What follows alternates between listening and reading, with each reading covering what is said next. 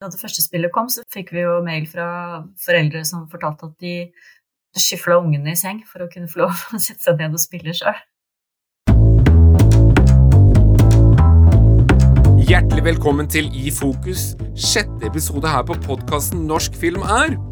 Her tar vi opp ulike tema innenfor norsk film, og intervjuer med folk fra filmbransjen.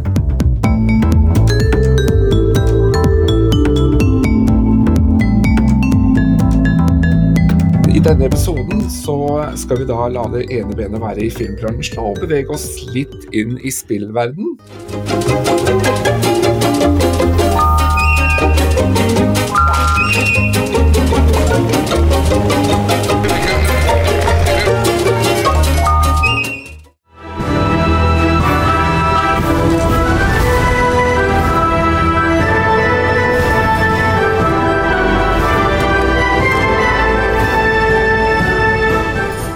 Du kjenner helt sikkert igjen tonene du hører i bakgrunnen, og det betyr at vi skal snakke om kanskje Norges to største filmunivers rettet mot barn, altså Flåklypa og Kaptein Sabeltann. Vi har en gjest fra Ravn Studio. Hjertelig velkommen, Tinka Town. Tusen takk. Kan du bare kort fortelle om eh, hva du gjør i Ravn Studio? Mm. Jeg er kreativ produsent, og um, jeg har drevet Ravn Studio eh, sammen med Stine Wern siden 2002. Før vi eh, setter i gang, så ja, Vanligvis så har vi jo et spørsmål som vi stiller alle gjestene våre. Siden dette er en podkast om norsk film, så lurte vi på om du kan, kan, fortelle om en norsk film du har sett på kino eller på TV som har gjort spesielt inntrykk på deg? Ja, det er litt uh, todelt, faktisk. Jeg har kanskje et sånn det første store inntrykket. Det var jo Flåklypa Grand Prix, som jeg så på kino da jeg var fem år gammel. Det var den aller første filmen jeg så på kino. Akkurat. Så, og det, det, husker jeg nesten som det var i går. Um, og så er det en annen film som, um, fra den siste tiden som har gjort veldig sterkt inntrykk på meg på en helt annen måte. Um, og det er dokumentariske filmen 'Selvportrett' av um, Margaret Olin og Espen Molin og Haugseth Om um, Lene Marie Fossen med spiseforstyrrelser som uh, tok flotte bilder av seg selv. Mm. Den var i hvert fall utrolig sterk og verdt å se. Spennende. Uh, Litt i hver sin ende av spekteret. Jeg er ja, ikke glad i dokumentarfilmer, egentlig, så ja. måtte nesten ha med det. Du eh, nevnte jo Flåklypa. Hva var det som gjorde inntrykk på deg når du så den på kino? Det var jo hele kinoopplevelsen av det at jeg så den sammen med foreldrene mine, og vi alle satte like stor pris på det, og, og særlig magasuget, da. Selvfølgelig. ja, ja. Hvordan havnet du i, i spillbransjen? Kan du fortelle litt om hvordan Ravn Studio har blitt til? Etter min medieutdannelse så havnet jeg i, i e-læringsbransjen, altså som bare de store selskapene som Hydro og sånn holdt på med. Så vi lagde HMS-programmer der. Eller opplæringssikkerhetsprogrammer. Mm -hmm. Og um, så var jeg vel litt lei av å, å, være ute og filme. De var videobaserte, da, så vi filmet mye. Det var mye stillaser og vernesko og verneutstyr og fallulykker og, og sånne ting. Eh, og så så jeg tilfeldigvis eh, at de holdt på å lage Flåklypa-spillet i Drammen, som jeg da bodde. Så jeg sendte en liten mail dit, og eh, de trengte noen med min kompetanse egentlig umiddelbart. Så jeg, i løpet av tre uker så var jeg plutselig i spillbransjen. Da fikk jeg litt sånn aha-opplevelse med interaktivitet og, og hvilke muligheter som, som, fantes der. Da vi var ferdig med det første Flåklypa-spillet, så hadde Stine og jeg litt flere ting vi hadde lyst til å gjøre sammen. Eh, og teamet ble med oss, eh, og start, vi kom ikke i gang før da 2006, egentlig, med det første spillet vårt. Som vi fikk støtte til gjennom da, den gang Norsk Filmfond. Og det var eh, Englekrasj. PC-spill. Så har det alltid het Ravn Studio? Ja, det har det. Um, det. det. kom egentlig litt sånn naturlig, for vi, både Stine og jeg var jo både småbarnsforeldre og og jobbet helger og kvelder, og så vi var litt natteravner og ravnemødre og alt det der. Så det var egentlig sånn det navnet ble til. Ja. Er du selv en gamer? Ser du deg selv på som det? Det er litt sånn uh, vanskelig å definere det. Jeg er, uh, er nok ikke en sånn um, hardcore uh, gamer som lever og ånder for å spille spill. for jeg har litt, jeg har litt lite tålmodighet til sånne lange, lange sessions. Men ja, ja. jeg er ekstremt glad i mer casual-spill og kortere spill. og jeg elsker å teste egne spill og gjøre research og, og den slags. Så det, det, blir jo en del spilling likevel. Men uh, hvis jeg skal velge, så, så, blir det noe med litt sånn kortere tidsaspekt. Hvis man skal lage et dataspill som er basert på film, hva er det, man, det første man begynner med da? Altså Siden spill handler om å, å gjøre, da, og at du, du, bringer spilleren inn i universet, så er det veldig viktig å finne ut av hva du har lyst til å leke med, og hva du har lyst til å interagere med og ta del i i, i det universet som du da har må gjøre. Mm. Um, så da er det jo en del av disse IP-holderne, som vi kaller dem, eller eh, opphavsmenn og -kvinner, som har eh, blitt litt forskrekka når jeg, først jeg sier at vi er nødt til å, å plukke hele den fine historien din fra hverandre og sette sammen alt på nytt. Med hvilke karakterer skal vi bruke? Eh, hvem skal du være i dette universet? Hva, du, hva har du lyst til å gjøre? Eh, hvordan eh, bygger vi opp historien, eller hvordan bruker vi historien? Bruker vi elementer fra historien? Hvor lineært kan det være? Um, ja. Og så må du tenke på hvilken sjanger det skal være i. Og det har kanskje litt med universet å gjøre og sånn også, hvilken sjanger man havner i. Og målgruppe og Så, videre. så bygger du et konsept, spillkonsept rundt det. For dere har jo jobbet med hva skal man si, flere spill som er basert på film. Hvordan har de, sånn som Flåklypa og, og Kaptein Sabeltann, som dere også har jobbet med, hvordan, hvordan, gikk det til at dere fikk muligheten til å jobbe med de, de, de universene der? Ja, det begynte vel egentlig med Nintendo DS-spillet, Flåklypa. Som var det første store sånn, merkevaren, for å si det sånn, som vi jobbet med. Når det kom ut i, hva var det? Det er eh, 12-13 år siden, ja. så, så, beviste vi nok eh, kanskje at vi hadde evne til å ivareta universet, da, og særprege og, og, behandle det med den respekt og varsomhet som eh, man må gjøre. Eh, og da var det vi som begynte å få, få henvendelser, faktisk. Hvor lang tid tar et sånt spill å utvikle, sånn fra avtalen er i boks og til den står på hylla? Ja, det kommer helt an på, på hvor uh, omfattende spillet er, og hvilken plattform det er. Um, Nintendo DS-spillene de brukte vi ca. seks måneder på. Um, litt mindre omfattende litt annen oppløsning og sånne ting. Og så kan det være PC-spill kan ta halvannet år, eller tre år, eller fem år, litt avhengig av veldig mange ting både funding og selve utviklingsprosessen og det slags. Så det varierer veldig. Er det sånn at dere gjør uh, altså selve kodinga og all modellering av 3D og sånn, gjør dere også det selv, eller er det noen ting dere setter ut? Vi har hele tiden gjort alle de, de tingene selv, så, og det er litt viktig, for det er eh, Du trenger ganske tett samarbeid mellom de som koder og setter sammen, både sånn kreativt sett for å finne løsninger. Hvis uh, spilldesigner har uh, tenkt at vi skulle gjøre det på den måten, så er du nødt til å ta en runde med kodeteamet for å se om det er mulig. Og hvis ikke, så sier jeg at vi kan gjøre det på denne måten, som har litt kanskje samme effekt. Og sånn, så det er veldig viktig å jobbe tett. Um, på Flåklypa siste spillet så har vi hatt uh, art-biten hos oss, og design og um, produsentbiten og alt det der. Og så har vi samarbeidet med Rockpocket i Tønsberg, som har gjort uh, det meste av kodearbeidet. Samt at vi har hatt et uh, team i Ungarn som uh, skulle jobbe med racing-delen, fordi de var gode på det.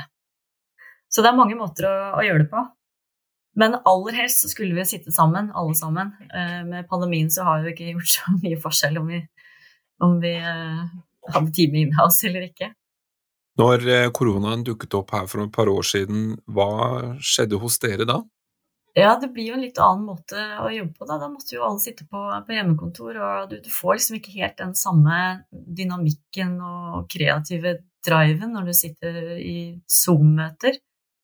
Så mm, det er helt klart Altså, vi, vi, tenkte jo at eh, ja, ja, det er jo business as usual, vi pleier jo å jobbe litt sånn, men eh, det har nok uh, hatt ganske stor påvirkning på prosessen vår likevel, mer enn vi kanskje hadde trodd. Vi hadde kanskje tatt en tur ned til det teamet i Ungarn og, og gått igjennom og sørget for at de var helt oppe å kjøre og hadde uh, universet under huden, sånn som vi er vant til å gjøre hos oss. Mm. Uh, men det fikk vi jo ikke mulighet til, så da med Zoom-møter og kanskje litt språkproblemer og sånne ting, så var kanskje ikke det optimalt. Men man finner jo alltid en løsning uh, i den situasjonen man er i, da, tenker jeg. Ja, man gjør det. Så det har jo gått uh, greit likevel. Ja. På et vis. Så hvis man ser bort ifra um, sånn korona og de utfordringene det har brakt med seg, hva er de største utfordringene med selve Flåklypa-spillet? Jeg tror nok det ikke kommer helt utenom uh, koronabiten der heller. For uh, vi har slitt litt med å få det teamet i Ungarn til å holde på å Få til det visuelle, da. Eh, I bilspilldelen, som de spesielt eh, jobbet med. Så vi har måttet bruke veldig mye av våre egne ressurser som vi ikke hadde planlagt å bruke på å, å holde dem i hånda og, og mate dem med teskje i forhold til å pirke på ting og gi input og, og rette, rette, på ting som de hadde gjort underveis. I den ene enden, og så har du da eh, Remo Caprino i den andre enden, som selvfølgelig sitter med lupe på alle bitte små ting og kommer med innspill. Så det har, det har vært eh, Ja, jeg må jo få lov til å si at det har vært litt sånn krevende å, å få, til, få den der til å gli. Dette her universet er jo Caprino og også Aukrust som på en måte har skapt sånn i utgangspunktet. Mm. For mye har de vært med i det å utvikle spillet. De har kanskje sine ting at det må være sånn og sånn og sånn. Ja, absolutt. Eh, I veldig stor grad. Eh, nå har vi jo laget dette spillet basert på rammeverket fra det første spillet, som har vært det vi egentlig har måttet forholde oss til på bakgrunn av uh, avtale med, med Aukrust, annet. Så um, vi har jobbet tett med Caprino i den prosessen her. Og det er jo, det er jo kjempeviktig å ha opphavsmenn på tett på prosjektet for å få det riktig, sånn at vi alle ser bra ut, og at det blir riktig. Så det er jo en, en veldig viktig kvalitetskontroll som foregår der. Men det, det krever jo også oppfølging og og, og, kanskje at man ikke kan ta enkelte snarveier som man hadde gjort hvis det var vårt eget. Så det er litt sånn både og. Jeg tenker når man uh, jobber med et spill som er basert på, på film, er det en, en begrensning, eller føler du at det er en fordel med det som filmen fører med seg? Altså når du skal da overføre det til en, et spillunivers? Det er jo litt begge deler, da. Eh, for du har jo et, et fiks ferdig univers både sånn visuelt og persongalleri. Du har uh, dialoger og settinger uh, som du kan bare begynne å, å, jobbe med og kna inn i, i, i spillformat. Eh, samtidig så, så, må du respektere det. Eh, alle, alle, deler av det. Du har liksom ikke den friheten til å kunne finne på andre rare, morsomme ting og innfall. Hvis, hvis det kommer noen gode ideer sånn, så, så må det alltid i hvert fall eh, sjekkes, dobbeltsjekkes, om vi får lov til å gjøre det eller ikke. Og, men fordelen da når spillet er ferdig, er jo selvfølgelig eh, i forbindelse med markedsføring og, og, PR og den slags, så er det jo et allerede kjent univers, så du behøver ikke å bruke masse ressurser på å la spillerne bli, bli kjent med det på den måten, fordi det er allerede etablert. Uh, sånn som med, med Englespillet, f.eks., som var helt, et helt nytt univers som vi skapte sammen der og da. Uh, og jobbet mye da med dialoger og karakterer og, og, hvordan alt skulle være. Og så fikk du den uh, utfordringen når spillet er ferdig, at ingen har hørt om det og, vet om disse karakterene og dette universet. Så ja, det har sine fordeler og helt klart ulemper til en viss grad. Men um, det er kanskje noe av det som vi har, vært, uh, har blitt gode på, da. Så da har det, har det egentlig blitt sånn. Vi, og det å ta et, eh, et ferdig univers og, og, omskape det til spillformatet på best mulig måte. Har det alltid ligget i kortene at uh, Raven Studio skulle jobbe med filmunivers? Uh, nei, overhodet ikke. Vi startet jo med, med som sagt, England-krasj. med ja. Uh, og som var et helt eget og nytt univers. Og så gjorde vi et uh, PlayStation-spill med snakeball, som var et type arkadespill med sånne diskoslanger rundt på et diskogulv. Som da ikke, sant, ikke hadde noe egentlig story i det hele tatt. Og um, så har vi prøvd oss på Vi har ikke prøvd oss, vi har jo vi har laget også et sånn hack and slash-spill innimellom for, for pluss 16. Så vi, vi, har jo gjort begge deler. Men uh, du vet, det, det, blir litt sånn at når vi har gjort én ting bra, og så ja, skjer det lett igjen at vi både får henvendelser eller føler at vi kan ta tak i f.eks. Uh, Lindgren og spørre om vi kan gjøre et spill basert på Pippi Langstrømpe, f.eks. Da var det vi som brukte litt tid på å få audiens der. Så, og da hadde vi jo en track record med de spillene vi hadde laget basert på andre univers, så det fikk vi lov til. Flåklypa er jo kjent av mange også i, i flere generasjoner. Og jeg så en, en, en avisoverskrift at det var det mest populære og solgte dataspillet i Norge, eller i hvert fall retta mot barn eller unge. Mm. Hva tenker du er grunnen til det? Eh, hva var jo oppskriften bak suksessen? Når første Flåklypa-spillet kom, så, så, skapte vi egentlig en helt ny sjanger. Familiesjanger. Eh, som ikke hadde vært så tydelig tidligere. Og det, det har jo noe med, med kombinasjonen av uh, utforsking, adventure, type historien, du får både historien fra filmen og masse morsomme små animasjoner, noen som liker å holde på med det. Og så masse forskjellige minispill eh, av helt forskjellig karakter. Alt fra å putte blomster i en blomstervase, som de aller, aller minste kunne gjøre, eh, til eh, type postsorteringen, som nok har vært det mest populære av alle minispillene gjennom alle tider. Og til sjakk Eh, du har et veldig sånn stort spekter, pluss at du har bilkjøringen i tillegg. Så det er klart eh, det, Alle finner noe de liker, på en måte. Og eh, da, vi, da, det første spillet kom, så fikk vi jo mail fra foreldre som fortalte at de skyfla ungene i seng for å kunne få lov å sette seg ned og spille sjøl.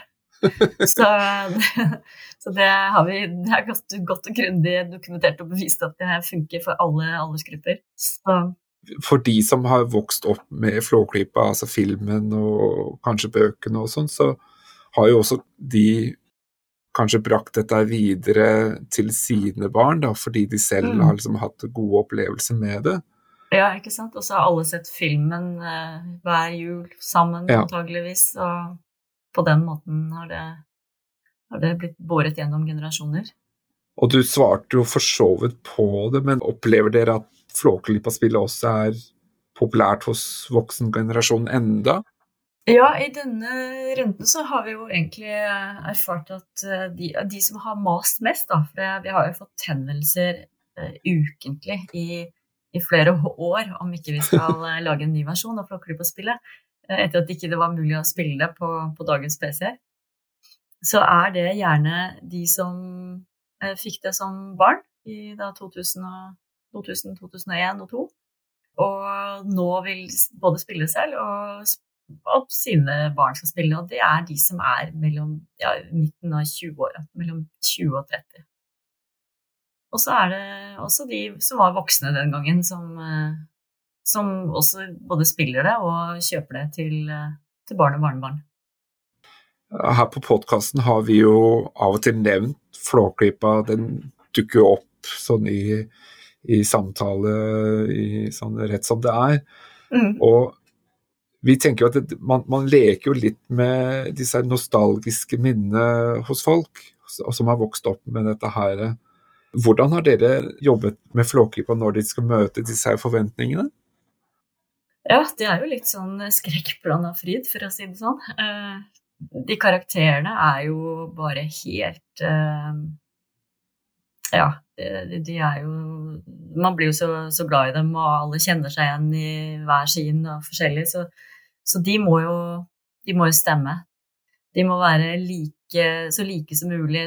både i, ja, vi har faktisk eh, jobbet enda tettere mot filmen i, i denne runden enn en enn å måle oss med det forrige spillet.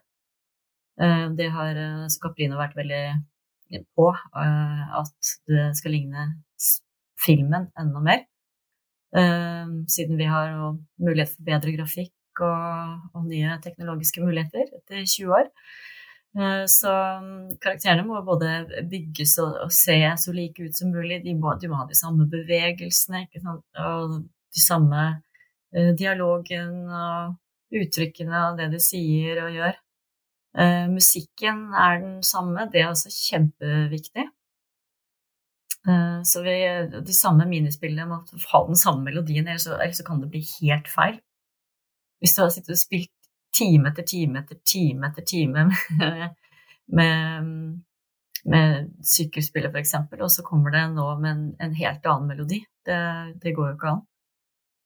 Og um, så har vi også bygget ut eh, scenene sånn at du kan se enda mer av det, sånn som senge, senga og den delen som ikke var med i det det forrige spillet har vi med nå, så du kan se deg mer rundt i eh, selve omgivelsene. Og, og der må hver lille løse skjøteledning på veggen ikke sant, være riktig i forhold til hvordan det så ut i, i, i filmen. Og blomsterpotter på samme sted og ja. Hvis du tenker deg tilbake til de forrige utgavene av Flåklypa, hvordan var det å skulle gi ut det første spillet? Husker du hva du følte, hva du tenkte? Det var jo veldig spennende, for eh, da var det jo Altså nå har vi jo gitt sånn smakebiter og previews og sniktitter og, og sånne ting, så, så, så, vi har fått reaksjoner sant, ganske lang tid i forveien på, på ting. Men det var jo ikke mulig på samme måte den gangen. Så um, det var veldig, veldig spennende. Og Stine hadde ståltro på det og sa at vi måtte trykke opp så og så mange spill, ikke sant? og alle trodde hun var helt gal, men eh, det, det var jo likevel ikke nok. Så det gikk jo tomt. Så vi måtte stå og pakke spill eh, fysisk eh, rett før jul for å få ut til alle steder som solgte det. Det har jo kommet flere filmer i Flåklypa-universet. Er det noe som dere har ønsket å jobbe videre med, altså med nye historier, nye scenarioer? Eh, er det noe dere har tenkt på? Ja, vi har uh, egentlig kun forholdt oss til uh, Caprino og selve den Flåklypa Grand Prix. Ja. Så Uh, og det, de andre filmene til Maipo er vel mer Aukrust-drevet. Dere har jo også jobbet med andre spill basert på filmunivers, altså annet Sabeltann, eller Kaptein Sabeltann. Mm. Hvilke erfaring har dere tatt med videre fra f.eks. Flåklypa når dere da skulle jobbe med dette universet? Det viktigste er jo at alle alle som skal jobbe med det, får uh, universet ordentlig, ordentlig under huden. Uh, så vi må jo se alt av materiale som er laget, alle filmer, Mm. Eh, all musikken som noen av oss da likevel har vært utsatt for en del gjennom eh, ja, årene. Eh, men det er, det er, det aller viktigste. Å være veldig, veldig trygg på hva du kan gjøre med de forskjellige delene av universet. Altså er hver uh, opphavsperson er jo gjerne litt for, har forskjellig fokus, da. Hos Formoe var det veldig fokus på historien, at ting skulle skje sånn noenlunde kronologisk i, i, spillet. Og vi har jo laget hva er det noe, fire Sabeltann-spill nå. Ja, og i starten, det første vi tenkte der, var jo at ok, dette er et sjørøverunivers. Hva, hva, hva, gjør man i et sjørøverunivers? Uh, vi må seile, vi må fekte, vi må finne skatter, vi må dra på utforskning. Uh, og så ga det seg da i starten at vi gjorde et uh, seile-utforskningsspill som var rundt på forskjellige øyer og, og sånn. Um, og der kunne vi ikke vise et fullstendig skattekart fordi det ikke skulle være så tydelig hvor disse tingene lå i forhold til hverandre. Så det, det var liksom noen sånne begrensninger, men da må vi bare finne andre måter å gjøre det på. Ja, ja.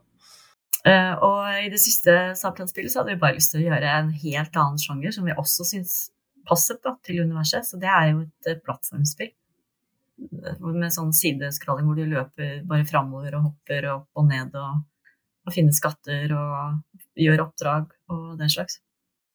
Som da var basert på den siste filmen. Når dere jobber med f.eks. Sabeltann og Flåklypa, som da er ideer som er skapt av noen andre. Hvor fritt står dere til å gjøre deres egen vri på det? Har dere noen gang opplevd at dere har lyst til å gjøre ting med spillet som ikke var mulig, sånn igjen av, av kreative utfordringer eller av tekniske utfordringer? Ja, altså Det med å gjøre et plattformspill, det, det gjør at ting må bli litt annerledes i utgangspunktet. Så det, det måtte vi jo få eh, Formoe med på. Og selvfølgelig så, så, må du De tingene som er veldig etablert i universet, er oss si Abrahavn og Montebassas hus og, og, de tingene som vi alle kjenner til, selvfølgelig Den sorte dame og det, Alt det må jo være akkurat sånn som det skal være. Men uh, for å kunne få et fullstendig spill, så må det jo litt sånn fill in the blanks til. så vi har, jo laget områder i spillet som som ikke finnes noe annet sted. Og det, det har de full forståelse for. Og så um, gjør vi et utkast til uh, dialog, som da Terje går gjennom og sørger for at Langemann ikke sier ting på en måte som Langemann ikke ville ha sagt, f.eks. Uh, og å være med og, og velge ut stemmer, f.eks., og sånn også, er uh, viktig å ha med opphavsmenn på. Så ja, litt, litt, sånn kreativ frihet har vi nok. Eh, og vi har jo funnet på rare fiender og ting underveis som, som vi, fordi du må ha et gameplay, ikke sant. Hva er det Ravn Studio eh, tilfører dataspill som er unikt eh, og gjør dem spesielle? Jeg tror kanskje først og fremst at vi evner å, å se universene gjennom spillbriller. Vi lager god grafikk. Og eh, har jo jobbet mye mot en, en ung målgruppe. Så vi har litt erfaring med hva som funker og ikke funker der. Hvis du har Vi har gjort eh, noen av de yngste målgruppene, de kan jo verken lese eller skrive, så da er du nødt til å kanskje bruke mer stemmer, f.eks. Å ha ikoner istedenfor tekst på knapper og, og sånne ting. Det, det, gir jo seg selv litt, selvfølgelig, men eh, jeg tror, eh, jeg tror, vi er ganske flinke til å kunne tilpasse til målgruppen, f.eks. Ja, for det, det har jo litt med det der å gjøre et spill intuitivt. Altså man skal jo forstå mm. hva man skal gjøre uten å skulle lese en tjukk manual, eh, tenker jeg. Ja, nettopp. Og det, og det nå har jo Det er jo en helt annen tid nå enn det det var i, i starten. Og nå spiller jo nesten alle barn fra de er måneder gamle. Og vi, vi bruker jo ofte mye av sånne klassiske sjangere, da, som f.eks. Ludvigs labyrint er jo Pacman. i, i en litt annen setting. Uh, og det tenker vi er litt viktig, fordi det er en sånn en pedagogisk eh, greie i det, altså introdusere barn for eh, de mest klassiske av spillsjangrene som de vil møte igjen og igjen. Med karakterer og, og i settinger som, de, som appellerer til dem. Har det vært en grunnleggende tanke at det skal være pedagogisk? Ja, ikke pedagogisk på den måten. Det, det har vi vært veldig, veldig tydelige på. At vi, vi lager underholdning for barn.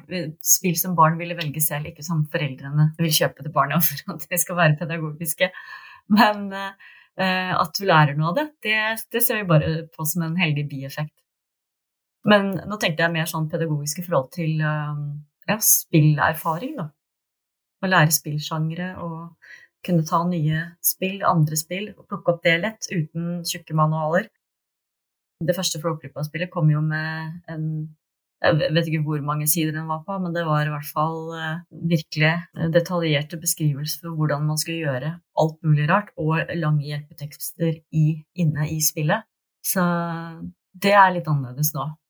Vi både slipper det og vil ikke gjøre det. Jeg vender stadig vekk tilbake til Flåklypa. Kommer Flåklypa til PlayStation 4? Ja, vi får jo en del spørsmål om det, da. Ja. eh, og, og det, det, har jo vært vårt ønske hele veien. Så vi, vi, forsker på saken og jobber med det for å prøve å få det til. Så det, det håper vi virkelig, men akkurat nå eh, kan vi ikke si verken når Nei, for jeg, jeg, jeg, kan jo selv si at jeg har PlayStation 4, så det er derfor jeg spurte. Ja, ja, vi, jeg håper vi får til det. Om ikke så altfor, altfor lenge. Ja, det håper jeg også. så nå jobber vi nå først mot å gjøre en eh, både en sånn eh, utvidelse av det med litt flere minispill, så det er første, første pri å få det på Mac. Da er det også veldig mange som etterspør. Så vi, vi holder på. ja, for jeg, jeg, har eh, notert meg at noen av de minispillene som var i den forrige spillet, var ikke ført videre til det nye, men du sier da at det er noe som kommer etter hvert? Ja, vi mm, burde kanskje vært enda tydeligere på akkurat den biten fra start. Jeg vet ikke om det hadde gjort noen forskjell i det hele tatt, men eh, vi har jo fokusert veldig på, på racing-biten denne gangen, og har ønsket å legge masse ressurser i, i den biten. For det, det, var en av de tingene som vi syntes egentlig var litt uh, ja, Kanskje litt grann kjipt å måtte gjøre det på den måten i det første spillet, med, med sånn eh, top down view, um, og ikke et ordentlig kjørespill, liksom. Så det var jo også en av, en av motivasjonene våre for å kunne gjøre et nytt spill nå, fordi det var mulig å gjøre det som et 3D-spill, hvor du faktisk kunne sette deg bak rattet på vilt Tempo og kjøre mm. magesuger. Ja. Kjøre om kapp med blodstrupmann på en eh, helt annen spillopplevelse. Så vi har jo fokusert mye på det, og da mm, tenkte jeg at da begrenser vi heller antall spillere, ta med de som er mest populære, og de som vil funke på, på begge plattformer. For det er jo liksom forskjell på kontroller og sånn, så, så, det har jo gitt en del utfordringer. I noen av noen ting egner seg bare best med, med tastatur og mus, når du skal være kjapp og presis. Det er vel kanskje eneste stort sett negative tilbakemeldinger har fått at folk vil ha mer. det er ikke nok. Det er, bra, det, så, det, er jo, det er jo også en hyggelig ting, det. Så mm, vi, vi ser litt på hva vi skal få til der òg. Det mange glemmer også, er at det første spillet hadde jo ikke så mange minispill. Den eh, første røde utgaven. Eh, det ble jo lagt til flere minispill i den blå utgaven, og da enda flere i gullutgaven. Dette her er det første spillet som er laget i 3D, stemmer det? Ja, i hvert fall i sånn opplevd 3D eh, med scener og sånt. Det, det var jo bygget mye 3D det første også, men det, det var jo sånn forrendrede egentlig 2D-scener som, som, var statiske. Nettopp. Alt er bygget helt på nytt, rett og slett. Det er nesten kun bare inspirasjon fra det første spillet som, som vi har eh, benyttet. Så, så, en av utfordringene har jo også vært det med, med stemmer. Når det er eh, Mange forventer jo stemmene fra 75, men eh, det er vel egentlig ingen av de som er i live lenger, så det er jo litt spennende å prøve å treffe på det. Men jeg syns de har gjort en veldig bra jobb, de eh, skuespillerne som vi har brukt. Vi skal uh, snart runde av episoden også, men hvis du kunne velge fritt uten å tenke på noen begrensninger, hvilket norsk filmunivers kunne dere hatt lyst til å lage dataspill av? Ja, det er egentlig ja, det er egentlig ganske mange, mange ting. Ja. og jeg kan jo egentlig bare snakke for meg sjøl akkurat nå. Jeg, jeg tenkte at en ting som jeg syns hadde vært ordentlig, ordentlig moro, hadde vært å, å lage et uh, egentlig spill for en litt mer voksen målgruppe. F.eks. basert på Slipp Jimmy fri. Det syns jeg er en helt strålende animert film fra 2006. Som det hadde vært Der, der tror jeg det var mye gøy man kan gjort.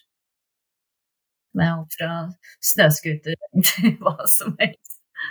Det er interessant at du sier det, for vi har jo faktisk en tidligere episode hvor vi bare snakker om Slipp Jimmy fri. Oh. Ja, da tror jeg må gå tilbake i arkivet. Ja, så, eh, så det er absolutt en anledning til, til, både deg og alle andre lyttere også til å ta et uh, Gå noen episoder tilbake, for det er absolutt en, en, en god film. Ja, veldig. Den, det er en av de som, har, som har gjort inntrykk. Ja, kjempegøy. Jobber dere med noen eh, spennende titler akkurat nå for tiden? Um, Eller er det så hemmelig at uh... Ja, vi, vi, gjør det. Men uh, ja, nei, jeg kan dessverre ikke si så mye om det. Nei, det, det, det, det, har litt med hvor i prosessen det er og, og, litt sånn. Men kan du si om når det, når det vil bli lansert, eller når man kan få vite mer om det? Jeg vet ikke når vi kan si noe om det. det. Kan nok bli noen måneder til. Vi gjør jo også en, eh, en app for, eh, for, ungdom som heter Skamløs, som er en eh, seksuell helse-app. Så vi har liksom både det på gang og eh, en utvidelse av altså Flåklypa 2-delen. Pluss at vi da er i dialog om noen andre nye ting som vi får komme tilbake til. det blir spennende å høre fra dere om hva det blir til. Ja. Eh, men det har vært kjempeinteressant å høre fra deg eh, og fra dere i Ravn Studio. Det var veldig, veldig hyggelig å være med. Takk for at jeg hadde lyst til å være med på episoden. Og så får vi kanskje om noen år et uh, Slipp Jimmy-fri-spill. Hvem vet? Ja, det hadde vært knallgøy. Så um, sier jeg bare takk for i dag, og lykke til videre med nye, spennende spilltitler. Ja, tusen takk for meg og oss.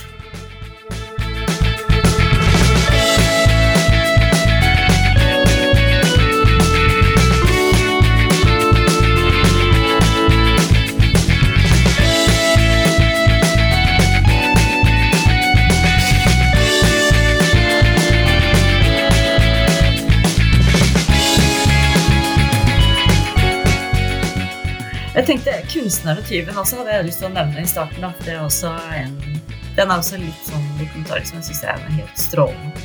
Å oh, ja, ja, filmen, ja. ja.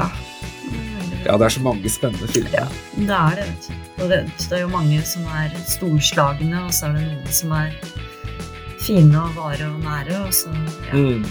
og så tenkte jeg verdens verste menneske til å være å nevne. Det, ja, den har jeg sett selv.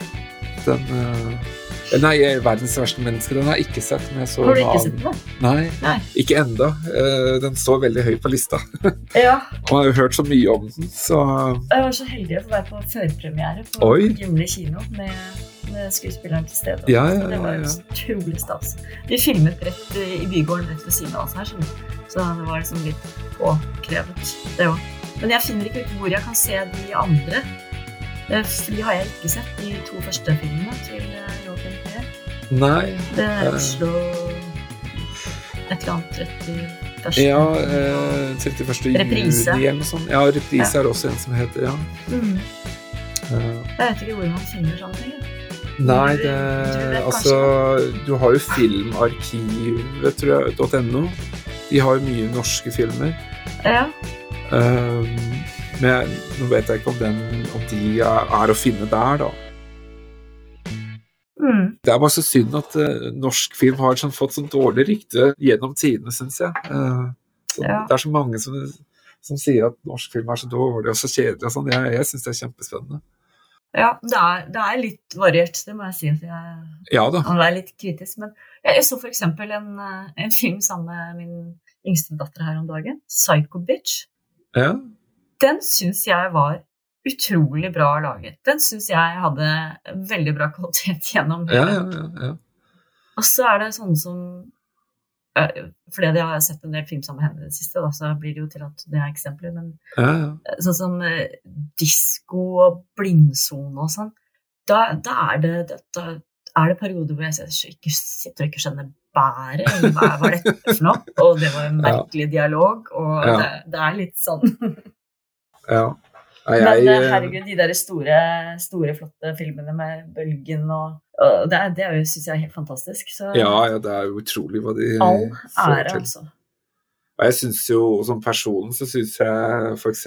den her eh, 'Kongens nei' som kom ut for noen år siden. Ja, den har jeg til gode å se. Mm. Den, det det syns jeg er kanskje en av de beste filmene i, i de senere årene. Altså, jeg syns den er så bra, altså. Ja, da skal jeg se den. Jeg satt også flikka forbi den her om kvelden. Ja. Uh, den kan jeg anbefale. Ja, ja, men det er bra tips. Få ta den nå.